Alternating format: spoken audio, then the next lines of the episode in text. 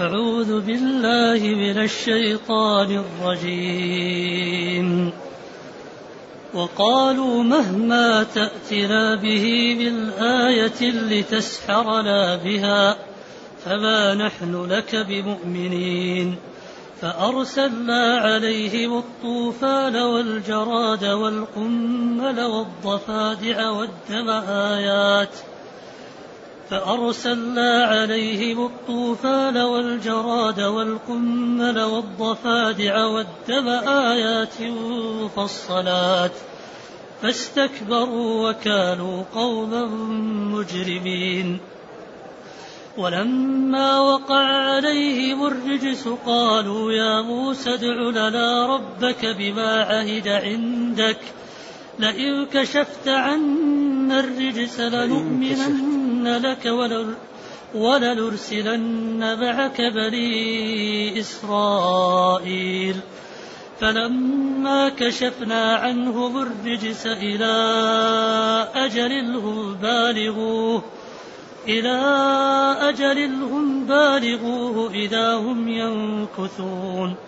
فانتقمنا منهم فأغرقناهم في اليم بأنهم كذبوا بآياتنا وكانوا عنها غافلين. الحمد لله الذي أنزل إلينا أشمل كتاب وأرسل إلينا أفضل الرسل وجعلنا خير أمة أخرجت للناس.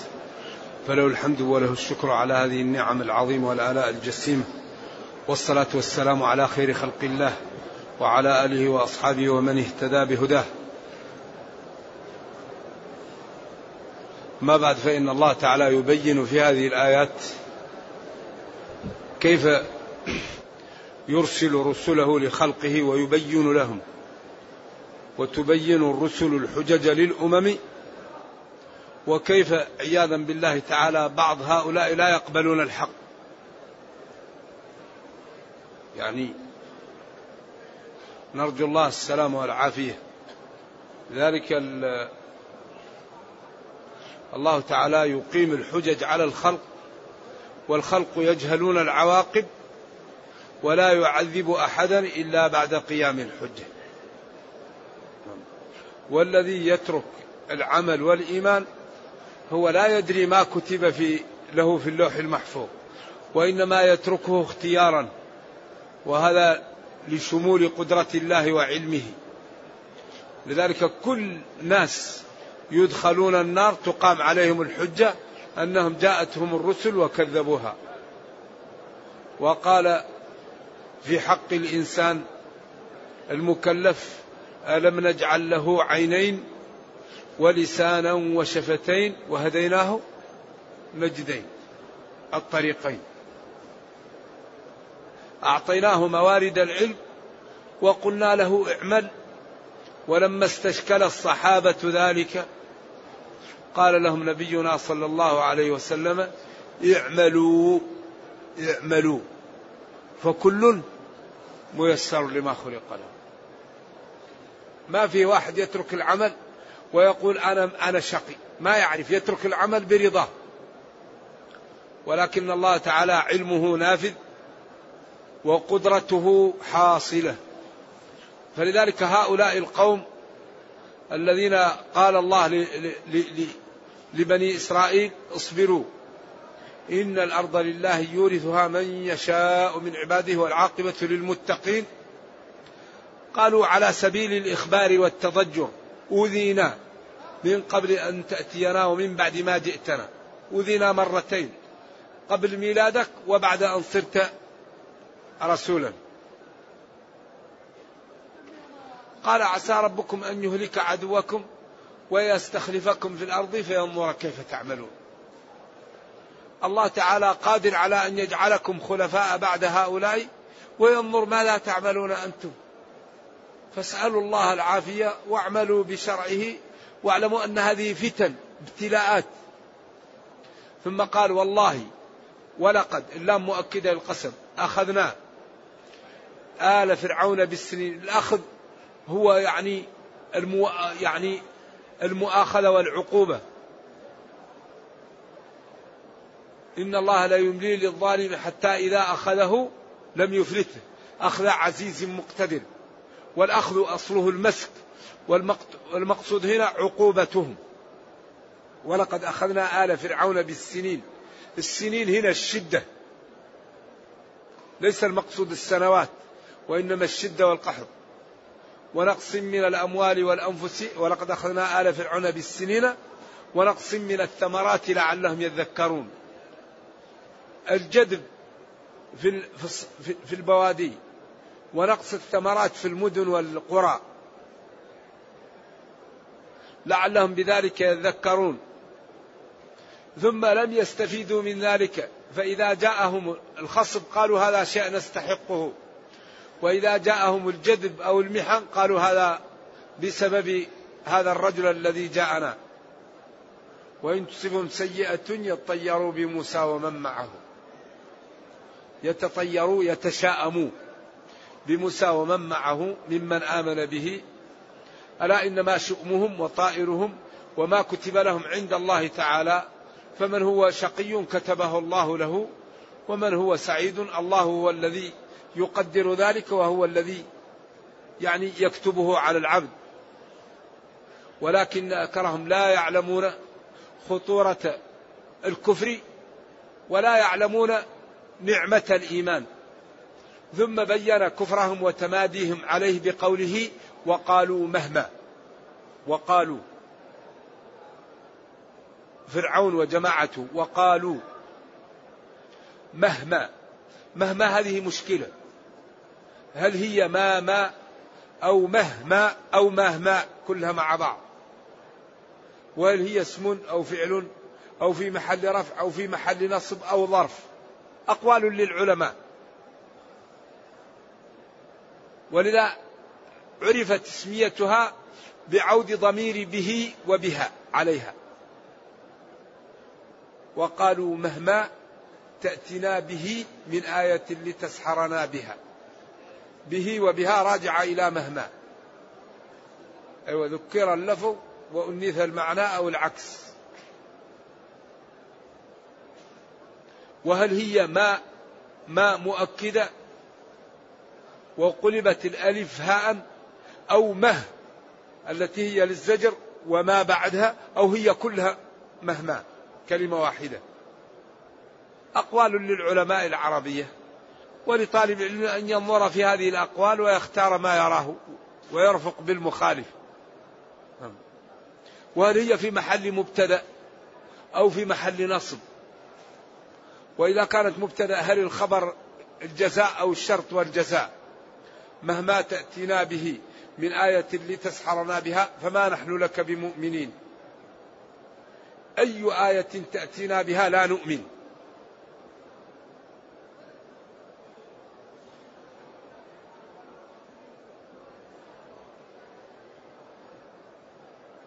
وعلى كل حال هي أداة تجزم فعلين.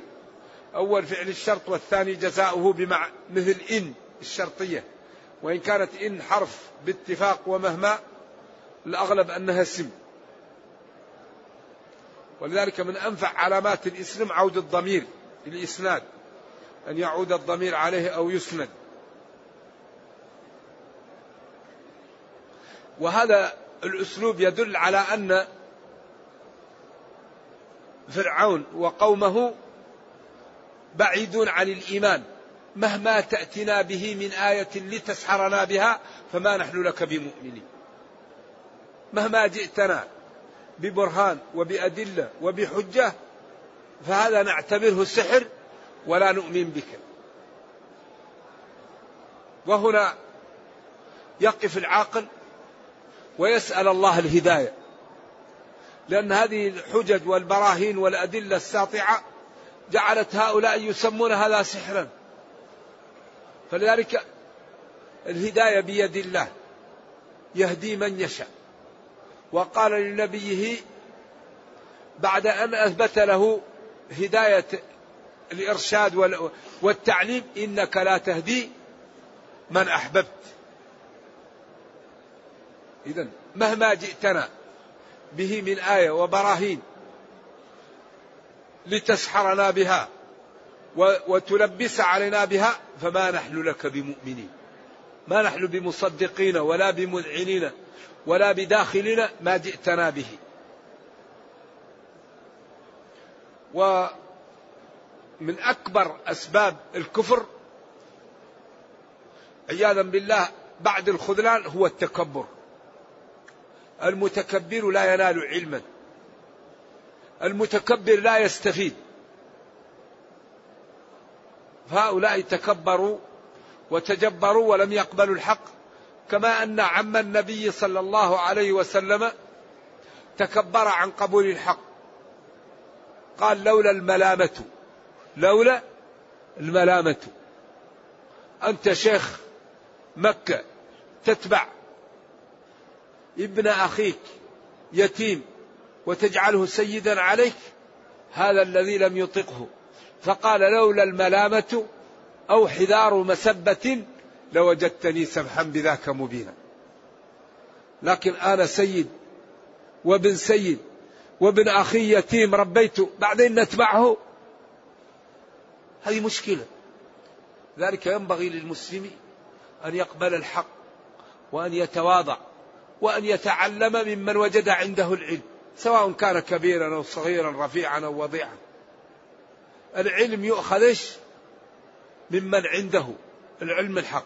ولذلك الله قال فاسألوا أهل الذكر إن كنتم لا تعلموا وفي الأثر هل لا سألوا إنما شفاء العي السؤال. إذا قالوا مهما جئتنا به من آية وحجة. بعدين هنا غالطوا قالوا لتسحرنا بها. ما قالوا لتهدينا بها. لأنهم عياذا بالله نفوسهم خبيثة وقلوبهم مطبوعة على الشر. بعدين قال الله فأرسلنا عليهم. بعدين عطف بالفاء. لما تعنتوا وتمردوا وأعلنوا هذا الخبث وهذا الكفر الشنيع على طول عاقبهم الله أرسلنا عليهم الطوفان. الطوفان الماء الكثير على أصح الأقوال وهناك أقوال أخرى. فأصبح القبطي يأتي المطر ويمتلئ عليه بيته من الماء. والإسرائيلي جنبه لا يكون في بيته ماء.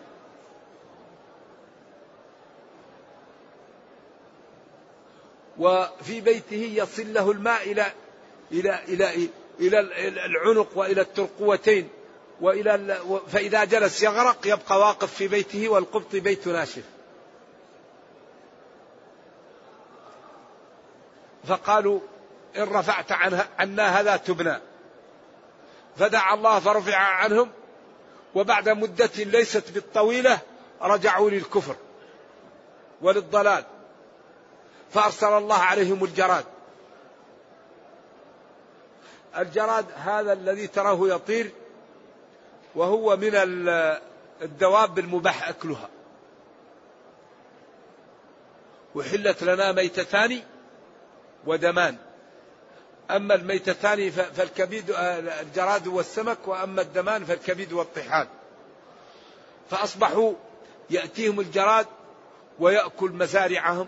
ويأكل أبواب بيوتهم ويأكل سقف بيوتهم فتسقط بيوتهم ووقعوا في مهلكة عجيبة. وهذا الجراد يدخل بيوت القبط ولا يدخل بيوت بني إسرائيل. وهم يرون. فقالوا يا ربنا ادعو لنا أن الله يرفع عنا هذا الجراد ونؤمن بك. فدعا لهم. فرفع الله الجراد. وبعد مدة كفروا. فأرسلنا عليهم الطوفان والجراد القمل بعدين أكثر عليهم القمل سواء كانت البراغيث أو الجعلان أو نوع مثل القمل الذي هو معروف أو غيره من الدواب الصغيرة التي تأكلهم وتعضهم وتأذيهم. فلما أذتهم قالوا ادعوا لنا فإن رفعها الله عنا آمنا بك وأرسلنا معك بني إسرائيل. بعدين رجعوا. بعدين أرسل الله عليهم الضفادع. فأصبحوا كل ما أراد أن يتكلم وقع الضفدع في فمه. ووضع الضفدع في أكله وفي فراشه.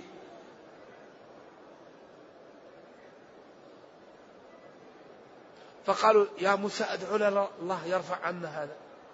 ونؤمن بك ونرسل معك بني إسرائيل. فدعا وكان كل هذا بعد شيء. ثم في النهاية أرسل الله عليهم الدم. أصبحوا كل ما نزعوا الماء من البئر. القبطي يأتيه دم والإسرائيلي يأتيه ماء زلال. فأصبحوا يأتوا للإسرائيلي ويأخذ الماء من وعائه. فإذا أراد أن يشربه انقلب إلى دم. آيات. مفصلات واضحات بعضها وراء بعض.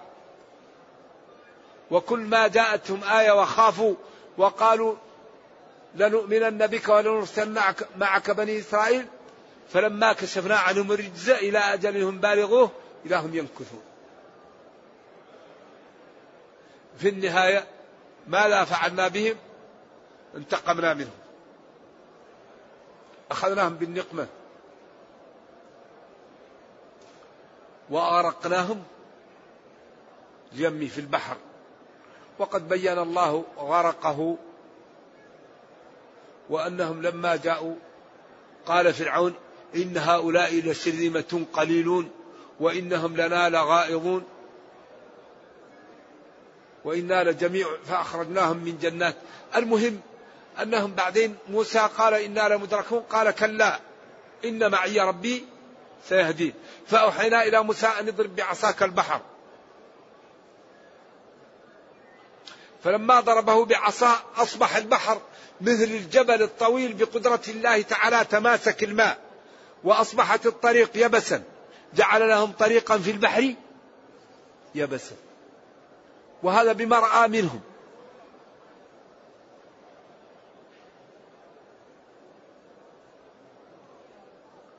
وفي النهاية راح فرعون وتبعهم وهو يرى هذا فانطبق عليه الماء وغرق ورفعه الله على نجوة حتى غرق وهم ينظرون وأغرقنا آل فرعون وأنتم تنظرون.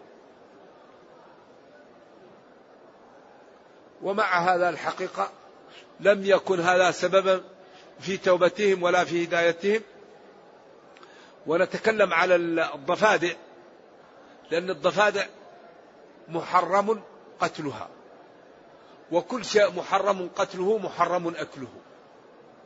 وفي أربعة من الدواب منهي عن قتلها. الضفدع والنمل والصرد والهدهد. هذه الدواب الأربعة لا تقتل. وكل شيء نهي عن قتله طبعا فيتبع ذلك تحريم أكله.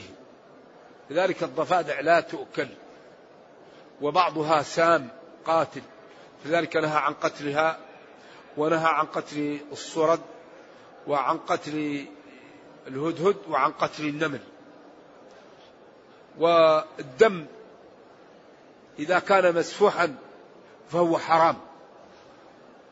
ودما مسفوحا. أما إذا كان الدم في العروق وفي داخل يعني البطن ليس بمسفوح فهو حلال. أما الدم المسفوح فأكله حرام.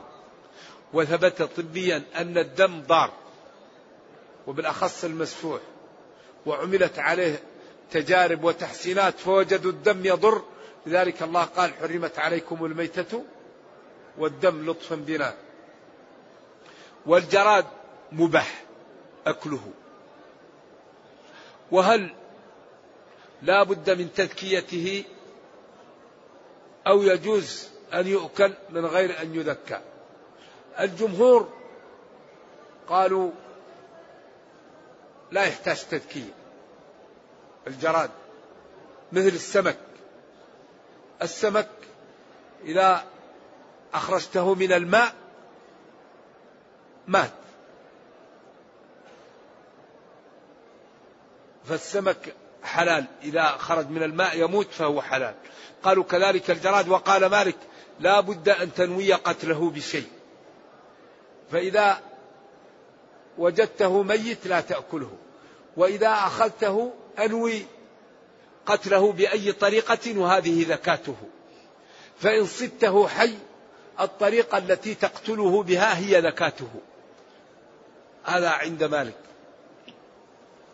وهنا اختلف العلماء في كثير من الأمور التي تكون في الأرض مثل العناكب والصراصير والخنافس والديدان والحنشان والحيات.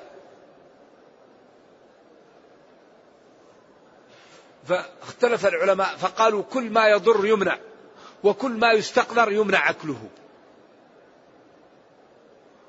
إذا الذي يضر ويستقدر يمنع أكله. والذي لا يضر ولا يستقدر لا يمنع أكله لكن الاستقدار أمر نسبي. أيوة. أما الضب فهو حلال وأكل على مائدة النبي صلى الله عليه وسلم أكله خالد بن الوليد وأقره. والنبي لا يقر على باطل وإن كان هو صلوات الله وسلامه عليه عافه وقال ليس ببلاد قومي لا أعرفه. فلم يأكله ولكن أقر على أكله. ف لذا الضفادع لا تؤكل والجراد يؤكل وغزونا غزاة لا نأكل إلا إلا الجراد وكانت أمهات المؤمنين تتهادى الجراد بينها. فالصحيح أن أكل الجراد حلال وأن قتل الضفادع لا يجوز وأكلها محرم. إذا هذه الآيات تعطينا أن العبد أول شيء يخاف ويعلم أن الهداية بيد الله. فإذا خاف وعلم أن الهداية بيد الله لا يغتر بعمل. لا يغتر بعمل. صلى صام قرأ لا يغتر. وإذا أيضا عمل معاصي لا تكن هذه المعاصي سببا في قنوطه من إيش؟ من رحمة الله ومن التوبة وأن باب الخير مفتوح. فما دام الإنسان في الدنيا فهو لا يدري ماذا يكون. هل يكتب له أنه سعيد أو يكتب له أنه شقي؟ إذا يكون الإنسان بين الخوف والرجاء وفي وقت الصحة والعافية والنشاط يغلب جانب الخوف. فيكثر الطاعة والاستغفار ودعاء التثبيت على الإيمان. وفي وقت الضعف والمرض يغلب جانب الرجاء. وأخطر شيء هو الغرور. الغرور الغرور. لا الغرور لا يقل عن المعاصي. الذي إذا أطاع الله يغتر هذا مشكل. الشيطان يقال إنه كان خازن سماء الدنيا في الإسرائيليات وأنه أصابه العجب وقال لن يخلق الله خلقا أفضل عليه مني. فقال له اخرج منها مذءوما مدحورا. ذلك وكان نبينا صلى الله عليه وسلم يخاف. يخاف ويسمع له أزيز كأزيز المرجل. ويقوم حتى تتفطر قدماه. ودخل مكة. وهو فاتح لها. ولحيته تكاد أن تصل إلى قربوس الدابة تواضعا إلى الله تعالى. ولا ولما كلم في ذلك قال أفلا أكون عبدا شكورا. فالعبد يخاف الله. ويسأل الله التوفيق ويعلم أن الله تعالى كريم وأنه يغفر الذنوب جميعا. لذلك الطاعة إذا عملها الإنسان واغتر بها قد تكون أخطر من المعصية. لأن الإنسان إذا عصى الله يخاف الله. ويسأل الله أن يغفر له ويتوب. أما إذا عمل الطاعات ولم يكن هذه الطاعات مزمومة بالعلم وبالفهم يغتر بالطاعة فتكون سبب في إحباط العمل. والرجل الذي قال والله لن يغفر الله لك فغفر لذلك وأدخل ذلك النار. الذي من الذي يتألى على الله. فذلك ينبغي لنا أن نقوم بالأسباب ونسأل الله. نقوم بأسباب الطاعة ونسأل الله التوفيق. نرجو الله جل وعلا أن يرينا الحق حقا ويرزقنا اتباعه وأن يرينا الباطل باطلا ويرزقنا اجتنابه وأن لا يجعل الأمر ملتبسا علينا فنضل. ربنا أتنا في الدنيا حسنة وفي الآخرة حسنة وقنا عذاب النار. سبحان ربك رب العزة عما يصفون وسلام على المرسلين والحمد لله رب العالمين. والسلام عليكم ورحمة الله وبركاته. عندما تكون في السجود في الصلاة هل تكتفي بالدعاء فقط أم لا بد أن تبدأ بالصلاة على النبي صلى الله عليه وسلم؟ في السجود تقول سبحان ربي الأعلى سبحان ربي الأعلى سبحان ربي الأعلى وتدعو بما شئت. أما الركوع فعظموا فيه الرب وأما السجود فاجتهدوا في الدعاء فقليل أن يستجاب لكم. ومن الدعاء بالصلاة على النبي صلى الله عليه وسلم هذا من عمله كفي همه. نعم كفاه الله همه.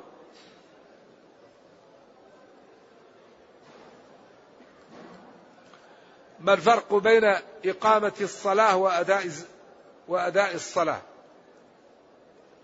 الإقامة هي أن تكون الصلاة تامة الشروط والأركان والواجبات والسنن والأنداب. ولذلك الشريعة تذكر أقاموا ما تقول أدوا. أما أدى الصلاة أتى بها. لكن قد يكون أداء ناقص لكن أقاموا هذا يدل على أن فيها واجبات والسنن وشروط وأركان أقيم بها. ولذلك قال يقيمون الصلاة وقال ما أقاموا الصلاة.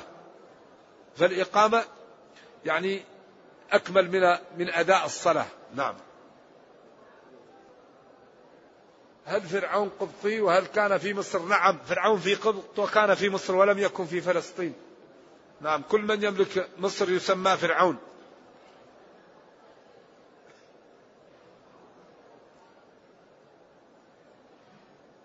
هل صيام أول ذي الحجة إلا يوم قام فيه أجر؟ تسع ذي الحجة هي أفضل أيام. ما من أيام العمل فيهن أحب إلى الله من تسع من عشر ذي الحجة. لذلك الصوم والصدقة والذكر وقراءة القرآن والصلاة وأفعال الخير لأن هذه الأيام هي أفضل أيام. إلا رجل مشى بنفسه وماله ولا في سبيل الله ولم يرجع من ذلك بشيء. فهي حري بنا أن نغتنم أيام المواسم لنربح. لأن المسلم ينبغي أن يكون لبقا في جلب الحسنات. كما أن التاجر يكون لبق في جلب الأموال فالمسلم يكون لبق في جلب الحسنات. ولذلك أشار الله إلى أن يعني جعل الليل والنهار إيش خلفة ليش؟ لمن أراد أن يذكر. إذا نمت في الليل أعمل في النهار وإذا نمت في النهار أعمل في الليل. وهو الذي جعل الليل والنهار خلفة لمن أراد أن يذكر. نمت استيقظت صلي انشغلت قم بالطاعة.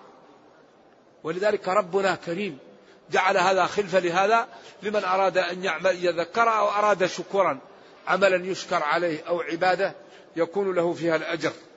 نعم. إيش النقطة اللي ما حكم من يعلق التمائم؟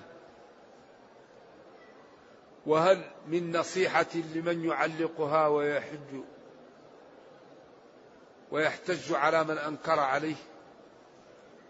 من أعق من علق شيئا إيش؟ وكل إليه. وتوكل على الحي الذي لا يموت. اقرأ الفاتحة والمعوذتين. اقرأ سورة البقرة. البيت الذي تقرأ فيه سورة البطلة لا تستطيعه البطلة. البيت الذي يقرأ فيه سورة البقرة لا يقربه شيطان. اعمل ما كان السلف يفعل. أما التعلق بالتمائم وبالأحراز هذا لم يفعله السلف.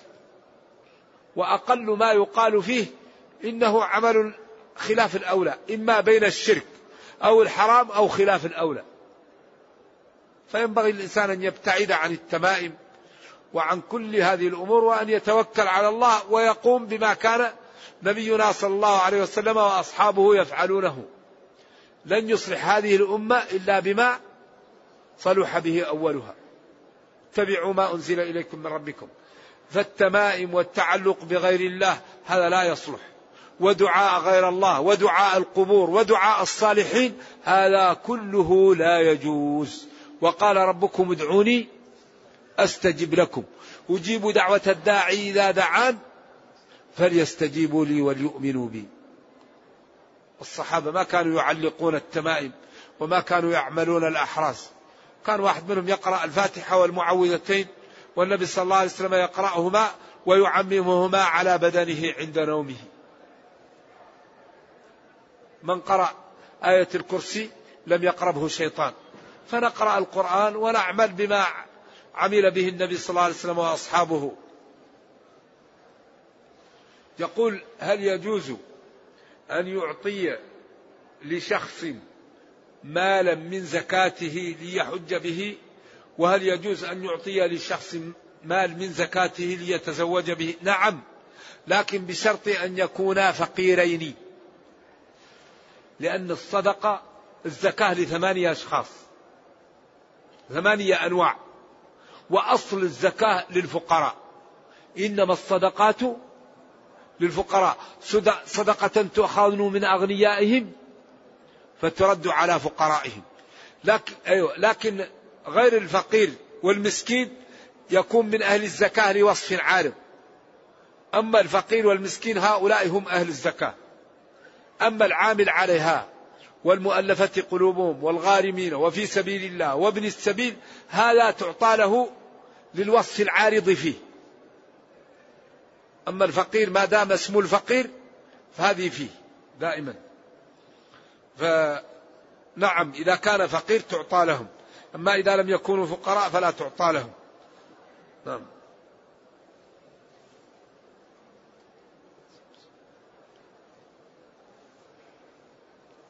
هل ماء زمزم يشرب واقف أو جالس؟ عند البئر تشربه واقف أو جالس.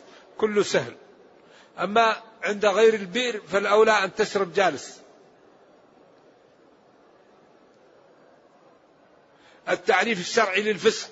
الفسق الخروج عن طاعة الله. فأعلاه الكفر وأدناه المعصية التي يكون صاحبها غير عدل.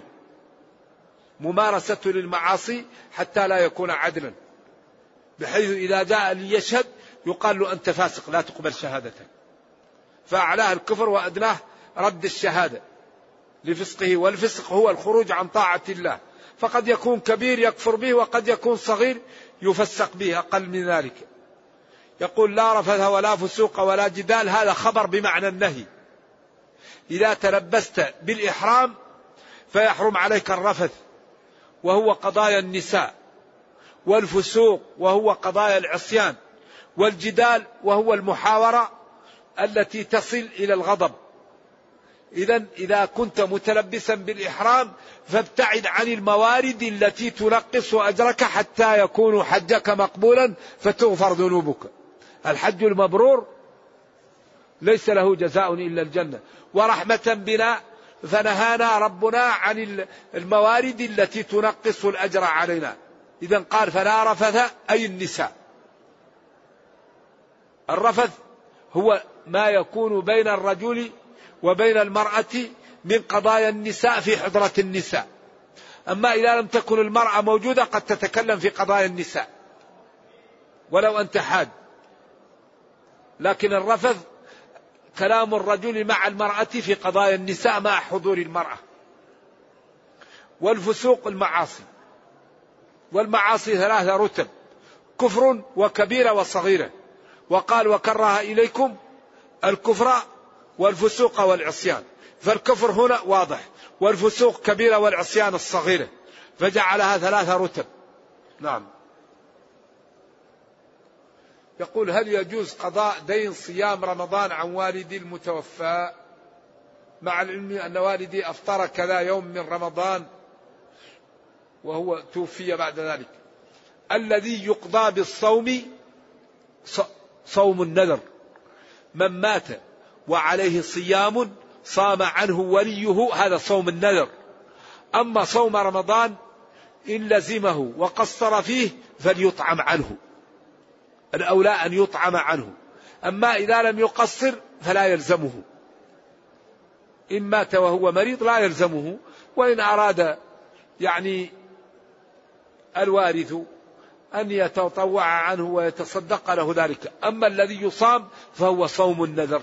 هكذا قال العلماء. نعم.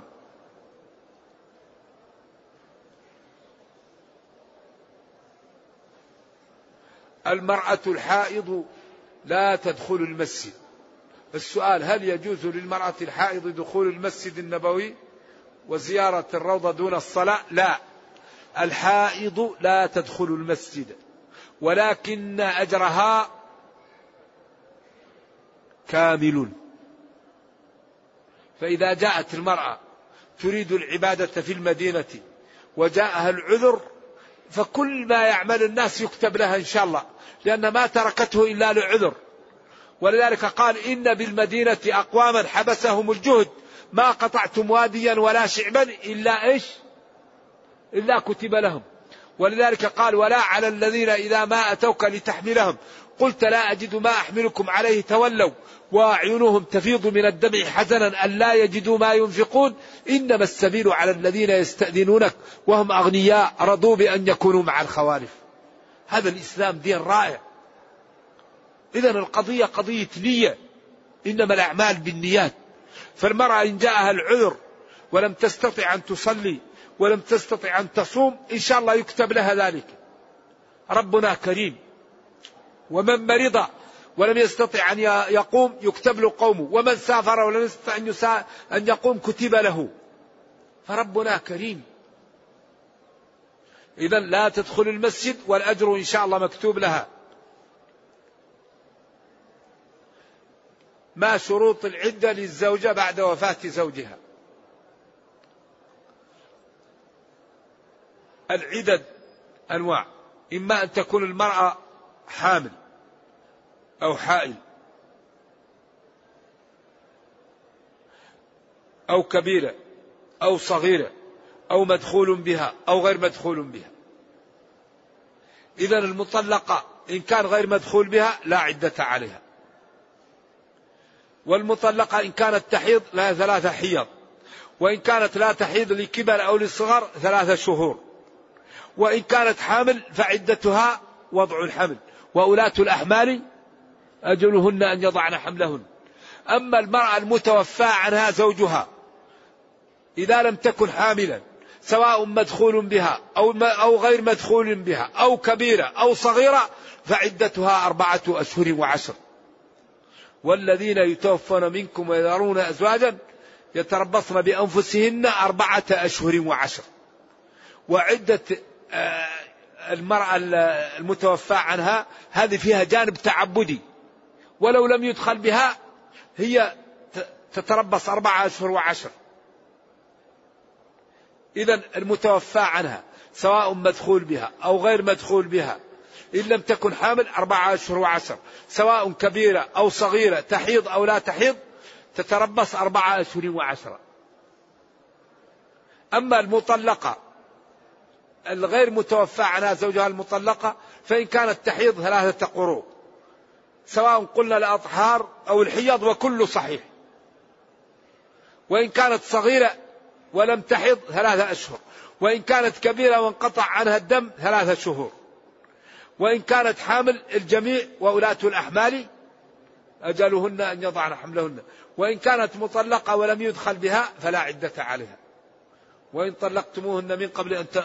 فما لكم عليهن من عدة تعتدونها. نعم هذا هو.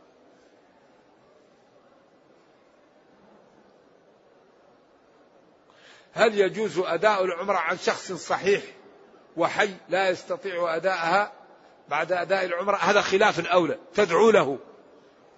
العمرة تكون عن الحي أو عن الميت أو عن المعضوب الذي لا يستطيع أن يسكن على الراحلة. أما إذا كان عاجز لا تجب عليه العمرة ولا الحج. ولله على الناس حج البيت. فالذي لا يستطيع لا يلزمه فلا يلزم أن تحج عنه. وإن فعلت يجوز لكن خلاف الأولى.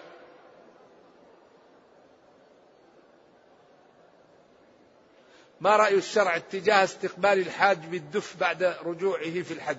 هذا لا أعرفه. ما كان الصحابة يعملون هذا. نعم. الدف يكون في في العرس في الزواج. أما هذا لا أعرفه فيه ما أعرفه.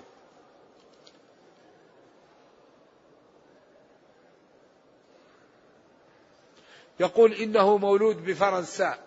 هل يجب عليه الهجرة إلى بلاد الإسلام؟ إذا كنت في فرنسا تقيم دينك وتدعو لربك وتحاول أن تكون بيئة مسلمة في هذا البلد بقاؤك هناك جهاد ودعوة إلى الله. وإذا كنت في فرنسا تنحل عن الدين وتتركه وتكون مثل الفرنسيين فواجب عليك الخروج من بلاد الكفر. لذلك السكنى في بلاد الكفار ضرورة فإن كان المسلم هناك يقيم دينه ويجعل بيئة مسلمة ويحاول أن يجعل البلد مسلم فهو مجاهد إن شاء الله. ولذا الآن فرنسا وأوروبا وأمريكا يقولون الإسلام أصبح حقيقة في بلادنا. ولذا أكبر مشكلة يعيشها الإسلام المسلمون. المسلمون واقفون ضد دخول الناس في الإسلام. وهذا الذي يجب علينا جميعا أن نتقي الله وبالأحق وبالأخص من المسلمين من يعيش بين الكفار. المسلم يحرم عليه أن يظلم أو يكذب أو يسرق أو يشرب الخمر أو يزني. فإن كان بين الكفار أصبح يريد أن يجفل الناس من دينه وينفرهم منه.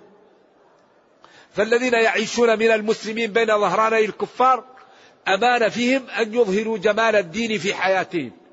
فلا يكذبوا ولا يزوروا ولا يعملوا شهادات زور. ولا يعمل الإنسان شهادة عطل ويكون يأخذ يعني راتب من وظيفته وراتب من العطل. لأنهم كل إنسان عطلان عن العمل يعطى له يعطى له مال. فهذا لا يجوز. حشف وسوء كيل تغش بعدين وتغش الكفار وأنت مسلم. كأنك تقول كأنهم يقولون هذا دين فاسد. لأنه لو كان عنده دين لما غش. فالله الله في الإسلام والمسلمين. أي مسلم يعيش بين الكفار لا يظلم ولا يكذب ولا يسرق ولا يزني ولا يرابي ولا يشرب الخمر حتى يظهر للناس جمال الدين فتدخل الناس في دين الله أفواجا. نعم. تقطع التلبية في الحج عند رمي جمرة العقبة على القول الراجح.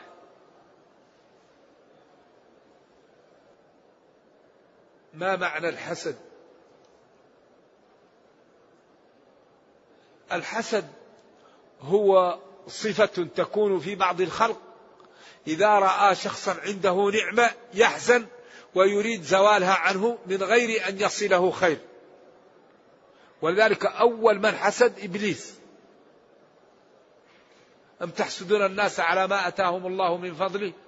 ولذلك هي خصلة ذميمة قبيحة وفيها اعتراض على الله. وصاحبها تجده شاحبا حزينا. كأنه مظلوم وهو ظالم عياذا بالله نرجو الله السلام والعافية. وهي أقبح خصلة بدل من أن يفرح الإنسان أنه رأى إخوانه على خير يحزن والحسود دائما في غم وفي غيظ نرجو الله السلام والعافية. نعم وهي خصلة ذميمة أيام وحكمه التحريم. هل يجوز للحاج صيام العشر الأوائل من الحجة ما عدا يوم عرفة؟ إذا كان غير مسافر يجوز له. إذا كان غير متصف بالسفر ولا يضعفه ذلك نعم يصوم ويمتلئ من الحسنات ويكون هذا مدعاة له لقبول الحج ولا يضر بس أظن يكتفي بهذا. نعم. سبحانك اللهم وبحمدك.